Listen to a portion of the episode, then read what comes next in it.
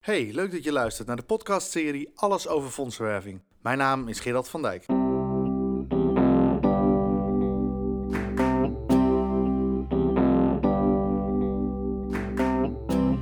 Je luistert naar een podcast van Krantio Fondsenwerving. Leuk dat je luistert naar weer een nieuwe aflevering van de podcastserie Alles over fondsenwerving. Van harte welkom. Een speciaal welkom voor alle luisteraars van deze podcastshow vanuit België. De podcastshow wordt ook door jullie steeds vaker gevonden en geluisterd. En dat vind ik natuurlijk hartstikke leuk. Dus een speciaal welkom voor jullie. Fondswerven bij Major Donors is een onderwerp wat voor sommige mensen best lastig is. Omdat het gaat over persoonlijk contact. En de ene persoon is de andere niet. Zowel voor degene die het vraagt als degene die de vraag ontvangt. En ehm, dus vraagt het eigenlijk om heel veel uh, maatwerk. Maar tegelijkertijd is dat persoonlijke contact zo'n enorme kans als je je goed voorbereidt om um, ja, jouw project, jouw missie op zo'n manier uh, te etaleren bij die ander en te kijken of dat, dat ook resoneert bij die ander, zodat je samen kunt, uh, kunt bouwen aan mooie idealen. Want vrijwel ieder mens heeft idealen. Probeer maar eens op een verjaardagsfeestje of, of op je werk of, of in de straat of waar dan ook is wel even wat door te vragen bij mensen van stel je nou voor dat jij iets zou mogen veranderen in de wereld en, en geld en tijd en middelen speelden geen rol. Wat zou je dan doen? En heel veel mensen hebben daar wel een antwoord uh, op. En de een uh, zegt ik zou de honger uh, de wereld uit willen hebben.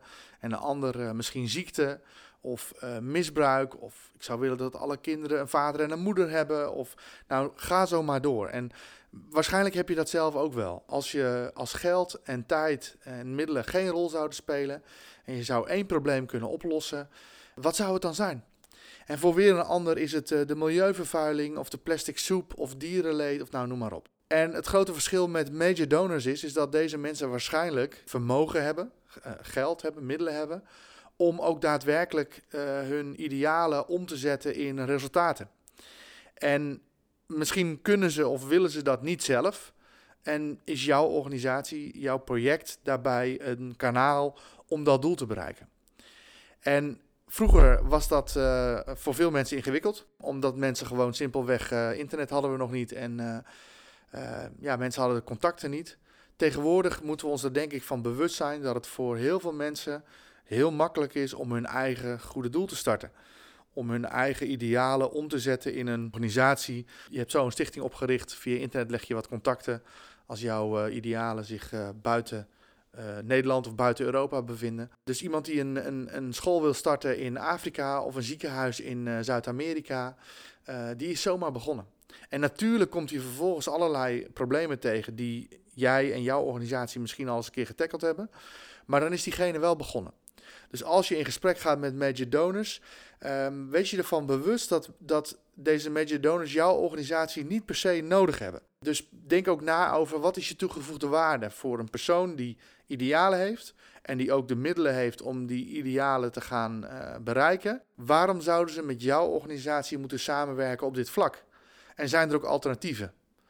En het risico bestaat dat je deze vraag te snel beantwoordt met: ja, maar wij hebben zoveel ervaring en we doen het al heel lang, of uh, we hebben een goede track record, of wat dan ook. Uh, maar pas daarvoor op. Want uh, die ander zit daar misschien wat kritischer in en, en wat objectiever. dus probeer echt, misschien wel met een paar mensen binnen je organisatie, deze vraag te beantwoorden. Wat is onze toegevoegde waarde? En vanuit de ogen en de oren van de major donor. Nou, ik denk dat dat een interessante voorbereiding is voordat je gaat, uh, voordat je gaat beginnen. Wat ik altijd doe is als ik in gesprek ga met een Magic Donor, is ik gebruik, uh, nou, ik gebruik eigenlijk een aantal modellen. En de eerste die ik ervan gebruik is het CFI-model. En de C staat voor capaciteit, de F voor filantropie en de I voor interesse. En het helpt natuurlijk altijd als je warme contacten hebt uh, met een Magic Donor. Dus of iemand is al verbonden aan je organisatie. Of via via heb je de gelegenheid om binnen te komen. En dan probeer ik altijd een beeld te vormen van eerst de C, capaciteit. Heeft iemand de capaciteit om te geven? Nou, dat is een lastige vraag om te beantwoorden. Uh, maar je kunt wel naar een paar dingen kijken. Dus misschien weet je dat iemand eigenaar is geweest van een bedrijf en dat heeft verkocht. Of dat er vermogen in de familie zit. De plek waar iemand woont kan wat zeggen, maar kun je ook uh, in vergissen. Maar er zijn wel factoren waarop je een beetje een beeld kan hebben van heeft iemand capaciteit om te geven. En hoe groot die capaciteit moet zijn voor jouw organisatie, dat kan ik niet bepalen. Dat bepaal je zelf. Maar als we het hebben over major donors, dan hebben we het vaak wel over de wat grotere bedragen. Nou, dat kan voor de een kan dat al 1000 euro zijn en voor de ander uh, een ton. Uh, dus bepaal voor jouw organisatie zeg maar, waar de, uh, nou, de top 10 van de grootste gevers zit. Maar het is wel handig om daarnaar te kijken voordat je in gesprek gaat van heeft deze persoon ook de potentie om dat te geven? En is de inspanning die ik ervoor moet leveren ook het resultaat waard? Als je een paar dagen druk bent met uiteindelijk een gift van 100 euro, dan kan dat niet uit. Dat snap je zelf waarschijnlijk ook. Dus heeft iemand de capaciteit om te geven? Dat is de vraag waar we mee beginnen. Vervolgens is iemand ook bereid om aan goede doelen te geven. Want iemand kan wel uh, ontzettend rijk zijn, maar misschien wel omdat diegene alles vooral voor zichzelf wil houden en uh, helemaal niet aan goede doelen wil geven. Ook dat is lastig om dat te achterhalen, maar soms kan je, weet je, via via dat mensen zeggen: Oh, maar die persoon heeft toen meegeholpen uh, met het realiseren van het hospice daar in de wijk. Of die heeft de kinderboerderij een keer gesponsord. Of die is betrokken bij de voedselbank. Dus door eens wat rond te vragen in je netwerk van... hey, ken je die persoon en wat weet je van die persoon? Um, of Google iemand eens even. dan kun je soms al achterkomen dat iemand ook wel eens aan, aan maatschappelijke projecten geeft. dus dan kun je ook de, de F van filantropie kun je aankruisen. En tot slot de interesse. Ja, heeft iemand interesse in jouw project, in jouw missie? Dat weet je waarschijnlijk alleen wanneer je op gesprek gaat. Maar het is wel belangrijk om te achterhalen. Dus eigenlijk moet er bij elke letter een vinkje komen te staan. Iemand heeft de CFI, de C van capaciteit, de F van filantropie. Hij wil het ook, of zij wil het ook weggeven aan goede doelen. En heeft interesse in jouw project. Die laatste kom je waarschijnlijk pas achter in een persoonlijk gesprek. En die is altijd lastig. Maar Um, je kunt dat boven tafel krijgen door vooral veel vragen te stellen. Uh, wat heeft u gedaan in uw uh, werkzame leven? Werkt u nog steeds? Wat vindt u belangrijk? Heeft u kinderen? Heeft u familie? Uh, welke doelen zou u graag willen verwezenlijken? Welke idealen heeft u? Nou, al die open vragen die beginnen met wat en wie en waarom en hoeveel en wanneer. Die geven jou informatie om te bepalen of dat die persoon interesse heeft in jouw project. En in zo'n gesprek met major donors gaat het 70 tot 80 procent over die ander. Ik zou liever zeggen nog 80 dan 70. Het gaat over die ander. Jij stelt vragen om erachter te komen wie is die persoon.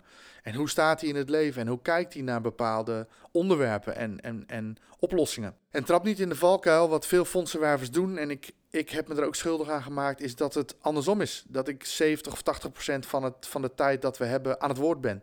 En vertel over wie we zijn en wat we doen en wat we willen bereiken en hoe, wat we al bereikt hebben en hoe belangrijk dat is en bla bla bla bla bla. Maar het gaat niet over mij, het gaat over die ander. Hoe beter jij luistert naar die ander, hoe beter je ook in staat zal zijn om te beoordelen of dat diegene ook interesse heeft in jouw project. En dat is natuurlijk lastig, want je wil graag dat diegene interesse heeft in jouw project. Maar als je constateert dat het niet zo is, mag je dan de tip geven om dat op tafel te leggen. Maak het bespreekbaar. Zeg tegen die persoon: moet je horen, ik heb het idee dat het project uh, wat, waar wij mee bezig zijn, dat dat niet aansluit op uw interesses. Klopt dat? Nou, dan kan er twee kanten op gaan. Of die persoon zegt, ja, dat klopt. Ik, uh, ik heb om die en die reden spreekt dit project me niet aan of minder aan. Of ik wil graag investeren in andere soorten projecten. Nou, dat is natuurlijk aan de ene kant vervelend. Maar dan heb je hem wel boven tafel. Dus alle verdere inspanning die je was van, van plan was om te doen, is dan niet meer nodig. En, en zeg dat ook gewoon. Zeg dan, nou, dat, dat respecteer ik uiteraard. Eh, bedankt voor uw tijd, we drinken de koffie op en, eh, en graag eh, tot ziens. Of misschien heb je die persoon verkeerd begrepen. Zegt, nou, nee, dat is niet juist. Ik heb zeker wel interesse in het project. Alleen, ik heb vragen over dit, dat, dat en dat. Of ik zou best interesse kunnen hebben, maar ik wil eerst zeker weten dat zo en zo en zo. Nou, dat is waardevolle informatie, want dan weet je waar het voor die persoon zit en, en daar kun je wellicht antwoord op geven. Ik heb het wel eens gedaan bij een, uh, een zeer vermogend iemand. In een van de andere afleveringen heb ik het ook uh, benoemd, maar ik, noem het toch nog maar een keer. Uh, omdat het zo'n tekenend voorbeeld is. het was een zeer vermogend iemand. Ik ging daar met hele hoge verwachtingen naartoe. En gaande het gesprek merkte ik, deze persoon heeft geen interesse in het project waar ik voor kom. En toen ik dat noemde, toen zei hij, ja, dat klopt. Ik heb geen interesse in dit project. Dus nou, probeerde beleefd af te sluiten, maar was zeker teleurgesteld. Stond buiten echt even te balen want ik had zulke hoge verwachtingen. Maanden later belde iemand anders mij op en uh, vroeg specifiek naar dit project. En ik vroeg diegene, wat ik altijd doe, hoe ben je aan ons gekomen? Is een vraag die ik ook altijd zou stellen, als ik je nog een tip mag geven, stel die vraag altijd, want dat kan hele waardevolle informatie zijn. Nou, in dit geval noemde die persoon de naam van die andere persoon, die hele vermogende persoon die niet aan ons project wilde geven. Hij zei, nou, ik heb interesse in dit soort eh, projecten en ik werd getipt door een kennis van mij. Die zei, als je een betrouwbare club zoekt, dan moet je daar zijn. En dan moet je die persoon bellen en dit is zijn nummer. Het feit dat ik het bespreekbaar had gemaakt, omdat ik voelde dat deze vermogende persoon geen interesse in het project had, gaf vertrouwen. Daar straalde blijkbaar een bepaalde oprechtheid en openheid vanaf. En um, natuurlijk baalde ik als een stekker toen ik dat antwoord kreeg. Maar in een tweede instantie uh, gaf het wel vertrouwen. En tipte deze persoon iemand anders. En die is vervolgens ingestapt in het project. Nou, het zal niet altijd zo gaan, helaas. Maar ik geloof er wel in dat zeg maar eerlijkheid en oprechtheid uh, de lange weg is, de eerlijke weg is en de duurzame weg is. En dat wij als fondsenwervers absoluut niet uh, vervelende technieken moeten toepassen, waardoor mensen denken, nou, kan ik hem voor 5000 of voor 10.000 de deur uit krijgen? Dat is niet oké. Vervolgens, als je aan tafel zit en je hebt dus uh, het CFI-model heb je afgevinkt, dan werk ik met het kwadrant van betrokkenheid. Nou, een kwadrant, het woord zegt het al, dat zijn uh, vier vlakken naast elkaar die samen een vierkant uh, vormen. onderaan staat het willen en langs de andere as staat het kennen. En dan heb je dus het eerste kwadrant wil niet en kent niet.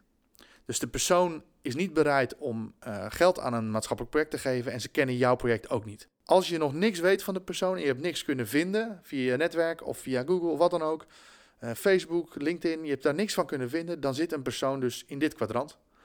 Dan begint de reis die je gaat maken om erachter te komen, wil deze persoon geven aan een maatschappelijk project en kennen ze ook jouw project? Nou, dan kan het twee kanten opgaan. Of het kan zeg maar naar boven, dan kom je op het kwadrant linksboven uit. Dus we gingen van linksonder naar linksboven. Daar zit het wil niet, kent wel. Dus je hebt een gesprek met iemand en je hebt uh, wat verteld over, uh, over het project waar je voor komt. Je hebt geluisterd naar die persoon wat die wil. Je maakt misschien een vervolgafspraak of je hebt informatie toegestuurd en uh, je belt diegene nog eens op. Zeg, joh, hoe zit het ermee? En, en die persoon neemt maar geen besluit. Dit, soort, dit, dit is heel vervelend, want uiteindelijk heb je op een zeker moment heb je de informatie gedeeld die je kon delen en, en dan diegene komt maar niet van zijn plek af. Ook in dit geval zou ik de, vraag stellen van ik heb het idee dat je, dat je niet van plan bent om een bijdrage te gaan leveren aan dit project. Klopt dat? En dat lijkt een hele nare vraag. Maar de keren dat ik hem heb gebruikt, is die altijd eigenlijk goed uitgepakt. Soms kan iemand even schrikken van je directheid en denken, oh, uh, uh, nou, nu je het zo stelt. Maar het verheldert wel uh, waarom je daar bent. En natuurlijk gaat de relatie voor donatie. Dus soms heeft een, heeft een relatie wat meer tijd nodig voordat hij tot bloei komt. Ik zeg altijd, je hebt je partner waarschijnlijk ook niet op de eerste date een huwelijk gevraagd. Dus investeer die tijd. Maar er komt een punt waarop je moet zeggen, nou nu, nu zeg je ja of je zegt nee. Maar wel een van twee. En je blijft niet dooremmeren, want mijn tijd is ook kostbaar. En door dat soms gewoon eens te benoemen, zeg ik, heb het idee dat je, geen, uh, dat je niet van plan bent om uh, te investeren in het project. Klopt dat? Ja, dat kan iemand even wakker schudden, maar dan krijg je of een ja of een nee. En een, een nee, kan, dan kan je vragen, nou mag ik vragen waarom niet? Soms geeft dat nog waardevolle informatie die je misschien kan weerleggen. Wees daar terughoudend in, want het is vaak een emotionele keuze van mensen, niet een rationele keuze. Dus pas op dat je als iemand zegt nee om die en die reden, dat je in de ja maar uh, houding schiet. Dat is niet oké, tenzij iemand echt iets verkeerd begrepen heeft. Als iemand iets fundamenteel verkeerd begrepen heeft, dan zeg ik: Oké, dat vind ik jammer. Ik respecteer uw besluit. U noemt één of twee dingen die ik toch misschien niet goed heb verwoord. Zou ik dat nog kort even mogen toelichten?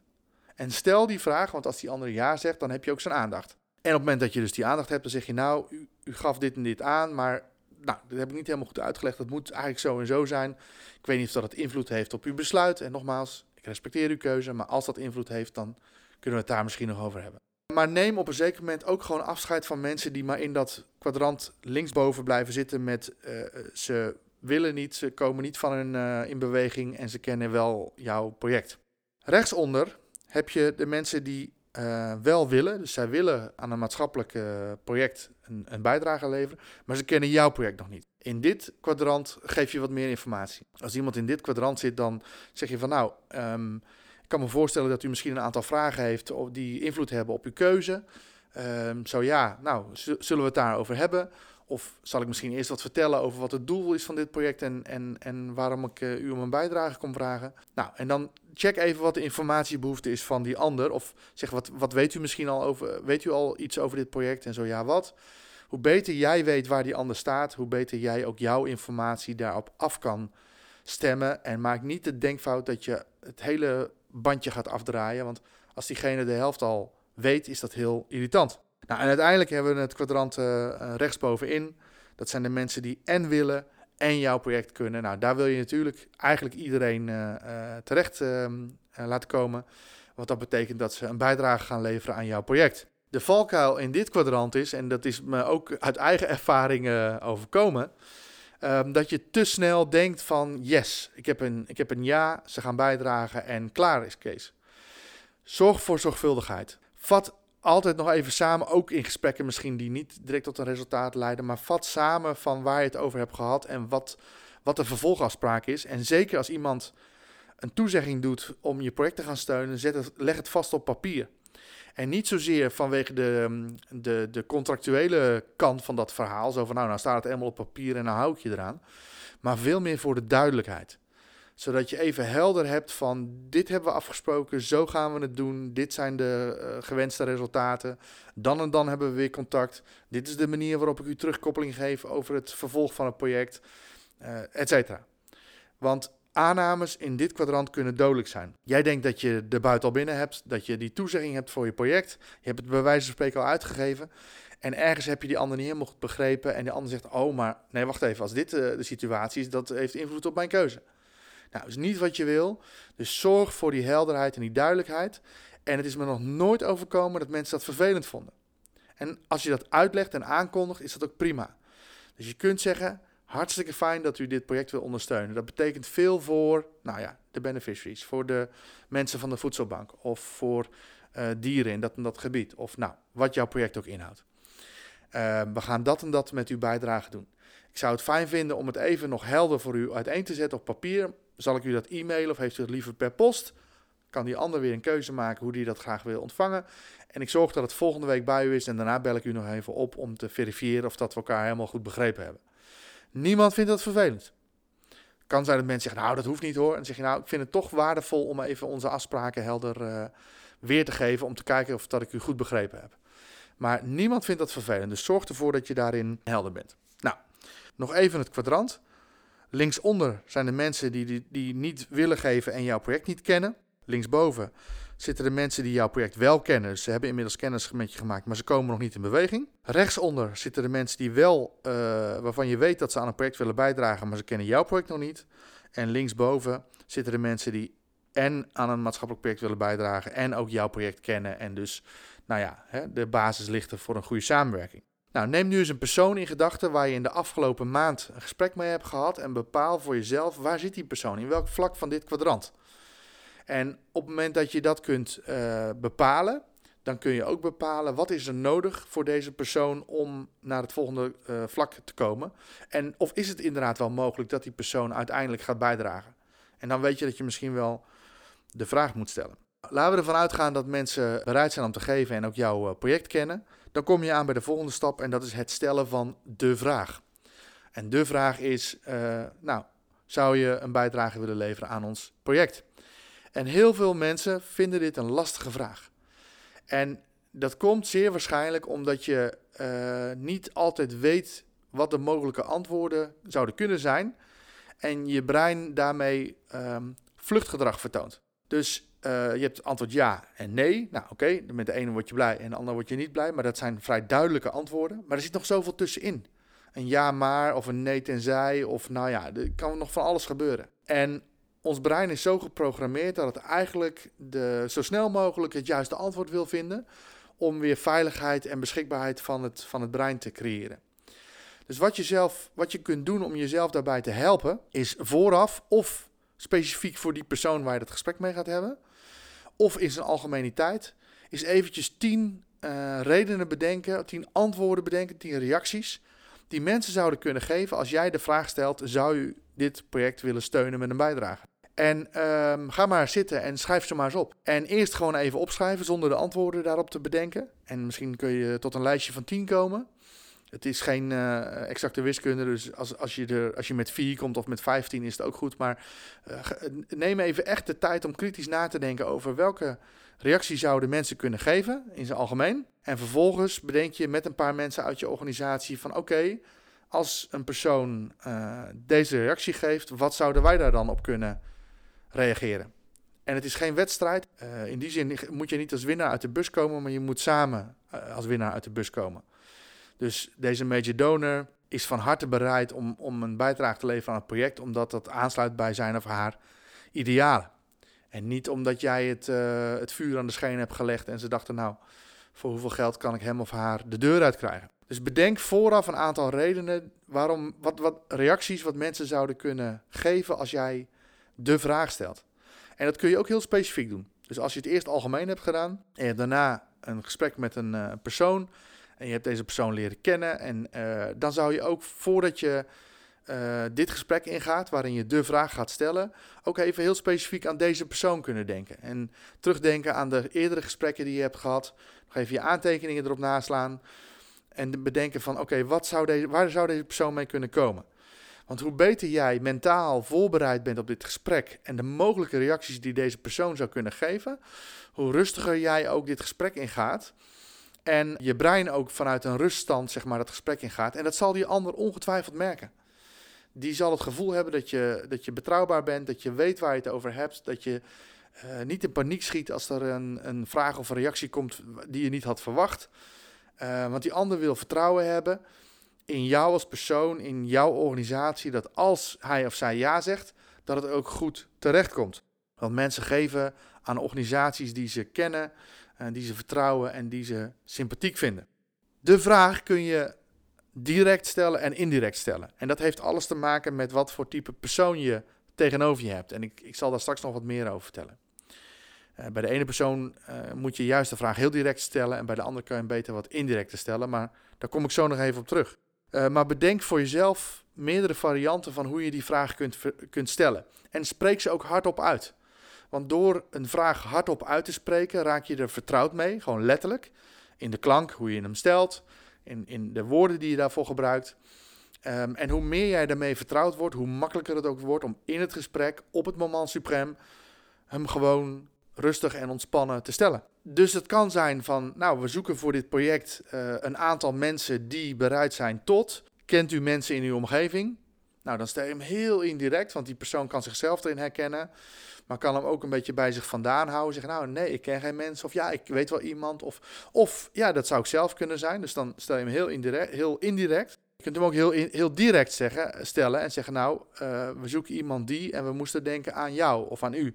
Net hoe je met elkaar in gesprek bent. Het is daarbij ook altijd goed als je de vraag stelt, is dat je meerdere proposities, meerdere voorstellen, meerdere opties in je tas hebt. Dat kan heel letterlijk zijn, dat je het op papier bij je hebt, maar ik zou papier zoveel mogelijk in de tas laten zitten, want dat leidt af. Papier is iets wat je achterlaat als je, als je weggaat, maar het moet niet in het gesprek, zeg maar, uh, leidend zijn. Maar dat je, of dat je figuurlijk, zeg maar, meerdere opties in je hoofd hebt, dat, dat je zegt, nou, we zoeken iemand, we zoeken iets voor dit, we zoeken iets voor dat, we zoeken iets voor zus en wat sluit het meest aan. Wees daarbij ook beperkt, want tien opties, dat zijn geen opties meer. Dat, is, dat werkt verwarrend en mensen zien door de bomen het bos niet meer. Maar zorg dat je twee of drie opties hebt en, en of je weet al vrij zeker door het gesprek heen dat een van de opties heel duidelijk aansluit.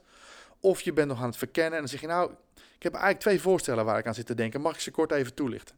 En ook daar weer door de vraag te stellen en iemand zegt ja, dan heb je zijn of haar aandacht. Dus gebruik die technieken. En tot slot, uh, als je de vraag stelt, uh, onthoud dat overschatten altijd beter is dan onderschatten. Stel, iemand heeft voor zichzelf besloten dat hij 5000 euro zou willen doneren aan een project. Stel je voor dat jij de vraag stelt en zegt: We zoeken iemand die 7.500 euro zou willen doneren aan dit project.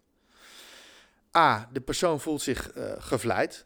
Uh, want blijkbaar heb jij gedacht dat die persoon de capaciteit had tot het geven van 7.500 euro. De persoon kan nog denken: hm, Ik was eigenlijk van plan 5, maar nou oké, ik ga toch over naar 7,5. Of die kan zeggen: Nou, Gerald, ik vind het leuk dat je dit aan me vraagt, maar dat gaat echt boven mijn budget uit. Ik, ik kan tot 5 gaan. Maar dan heb je iemand wel gevleid. Stel je nou voor in diezelfde situatie dat iemand dus voor zichzelf besloten heeft dat hij 5000 euro zou willen geven aan een project. En jij vraagt hem om 500. bedenk even wat het met jou zou doen als het op die manier gaat. Zeg je dan 500? ik zat aan 5000 te denken. Dat zou kunnen, maar het wordt ongemakkelijk.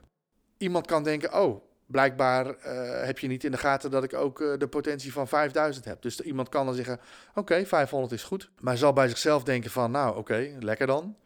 Of iemand kan zeggen, nou nee joh, uh, sorry, maar projecten van deze omvang, daar zit ik eigenlijk niet op te wachten. Ik, als ik iets doe, dan wil ik het ook goed doen. We vinden het lastig. We zijn bang dat we iemand kwetsen of verkeerd in hebben geschat. Maar onthoud voor jezelf, Overschatten is beter dan onderschatten. En wanneer je meerdere opties bij je hebt, ook van verschillende niveaus, kan je toetsen wat de persoon het meest aanspreekt. Dus je zou kunnen zeggen, in dit geval, we zoeken vijf, uh, 10 personen die 500 zouden willen doneren. We zoeken drie personen die 2.500 zouden willen doneren en eentje van 5. Welke spreekt u het meest aan? En natuurlijk leg je dan ook uit wat je met dat geld kunt doen. Drie vragen die elke major donor zich zal afvragen en meestal niet hardop, is waarom vraag je mij? Waarom vraag je het nu? En welke impact zal mijn donatie hebben? En ik wil je de tip geven: zorg dat je deze drie vragen altijd beantwoordt, ook wanneer de vraag niet gesteld wordt. Dus waarom vraag je mij? Waarom nu? En welke impact zal mijn donatie hebben? Deze drie vragen moet je eigenlijk voordat jij vertrekt naar het gesprek met deze major donor, moet je voor jezelf al beantwoord hebben. Nou, we zaten om u te aan, aan, u te denken, omdat we weten dat u ook betrokken bent bij dit en dat project. En dit ligt wel heel erg in lijn. En we zouden het echt heel mooi vinden als we nou, samen dit doel zouden kunnen bereiken. Bla bla bla bla bla. We vragen dit nu, omdat we, als we uh, nu deze stap kunnen zetten, zijn we daarna in staat tot. Uh, of dit is nu heel erg belangrijk, want als we dit kunnen realiseren, betekent dat dat en dat en dat. En uw bijdrage zal dat en dat en dat teweeg brengen. Of wij verwachten dat de impact zo en zo en zo is. Stel deze vragen gewoon. En, of, of beantwoord deze vragen ook wanneer ze niet gesteld worden, of zoek hem op. Ja, u vraagt zich misschien af waarom we nu bij u terechtkomen. Nou, dat is eigenlijk om die en die reden. Of u vraagt zich misschien af waarom wij nu uh, dit geld zo nodig hebben. Nou, dat heeft ermee te maken, zus, zus en zo. Dus beantwoord deze vragen ook wanneer ze niet gesteld worden. En als je, uh, of, of zoek hem op en daar kun je een beetje mee spelen.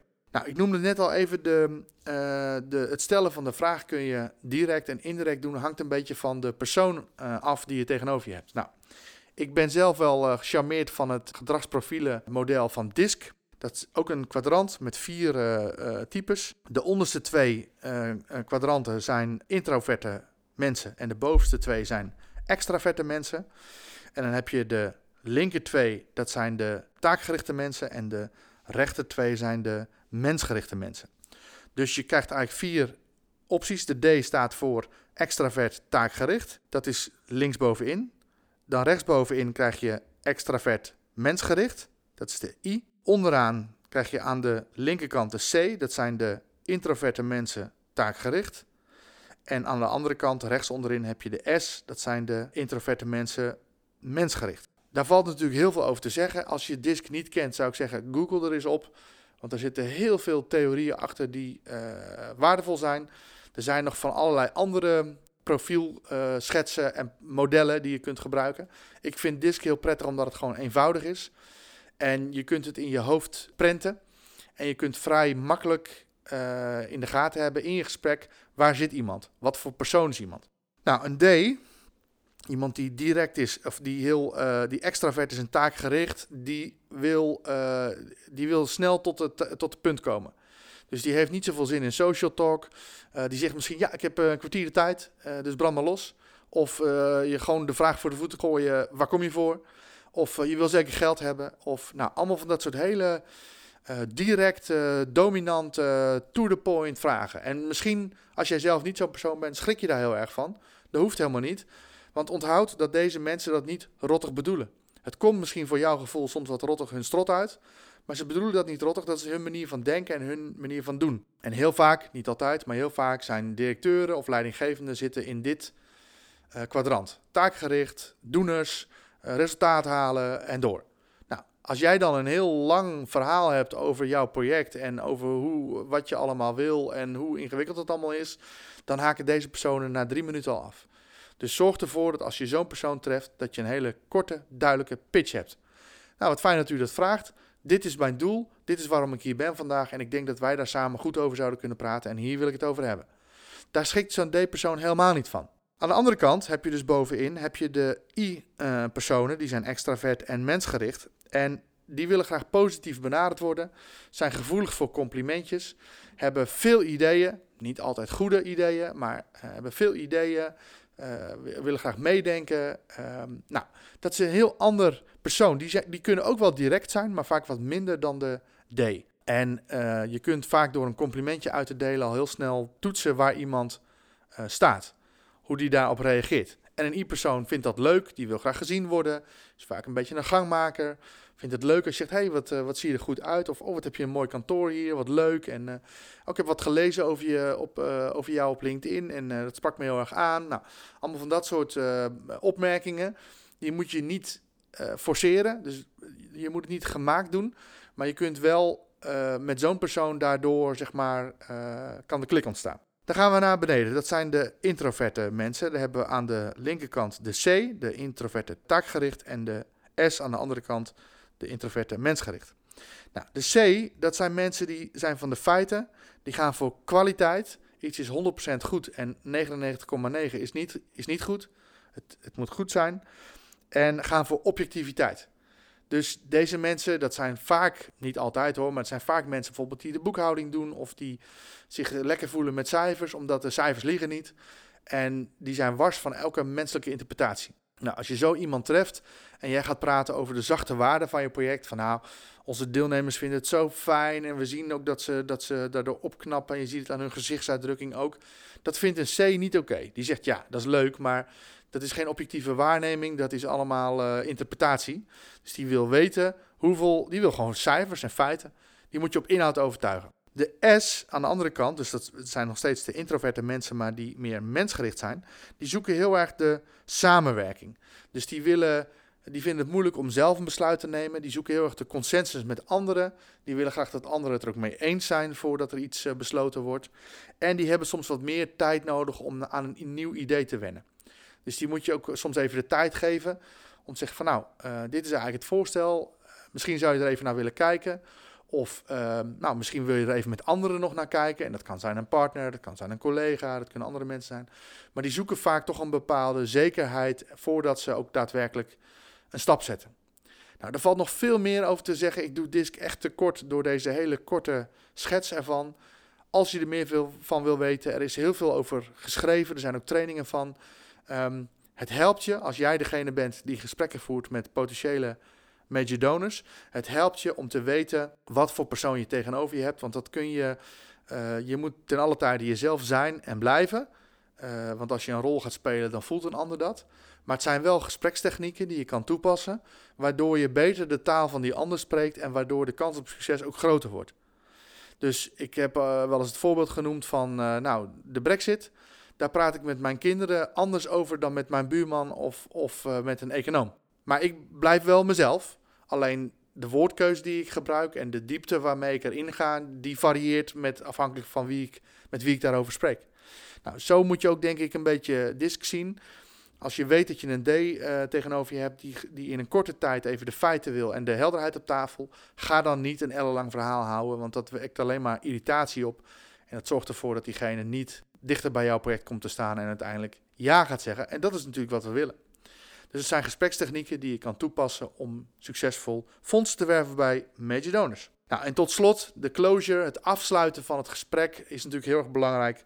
Vat samen wat je hebt gehoord. Zeg dat ook. Ik wil graag even kort samenvatten of, om te toetsen of dat ik u goed begrepen heb. Als dat niet zo is, uh, vul me gerust even aan. Vraag ook of dat alles duidelijk is. Vraag ook of dat mensen nog meer informatie willen. Het zijn van die hele basale open vragen. Maar wat er gebeurt als jij die vraag niet stelt, is dat er kan een informatiegat ontstaan. En als je dat dus niet weet, dan ben jij in de veronderstelling dat die ander alles snapt. Die ander vindt het moeilijk om te zeggen: joh, Gerald, het spijt me, maar ik, ik snap het niet. Want dan voelt hij zich dom. Nou, dat vinden we allemaal niet zo leuk. Dus vaak slikken mensen dat in. Dus mensen doen alsof ze het snappen, maar ze snappen het ondertussen niet. En het kan zijn omdat jij een expert bent in jouw vakgebied, in, rondom de problematiek waar jouw organisatie zich voor inzet, en die andere een leek is. Dus zorg er in ieder geval voor dat je op lekenniveau van start gaat. Heb je het gevoel dat die ander meer kennis heeft, kan je vrij snel wat dieper gaan. En check aan het einde, vat nog even kort samen en check door gewoon open vragen te stellen of dat die ander alles uh, begrepen heeft. Ik hoop dat deze informatie jou gaat helpen om uh, je gesprekken met major donors succesvol te laten verlopen. Ik hoop dat je hebt genoten van deze podcast. Als dat zo is, mag je dan vragen om een waardering achter te laten in iTunes. Uh, zodat andere mensen deze podcast ook kunnen vinden. En als je een vraag of een reactie hebt, dan kun je me altijd even mailen. Ontzettend bedankt voor het luisteren. Ik wens je een mooie dag toe. Veel plezier en succes met je fondsenwerving. En graag tot de volgende keer. Heb je vragen? Stuur je mail naar podcast.grantioe.nl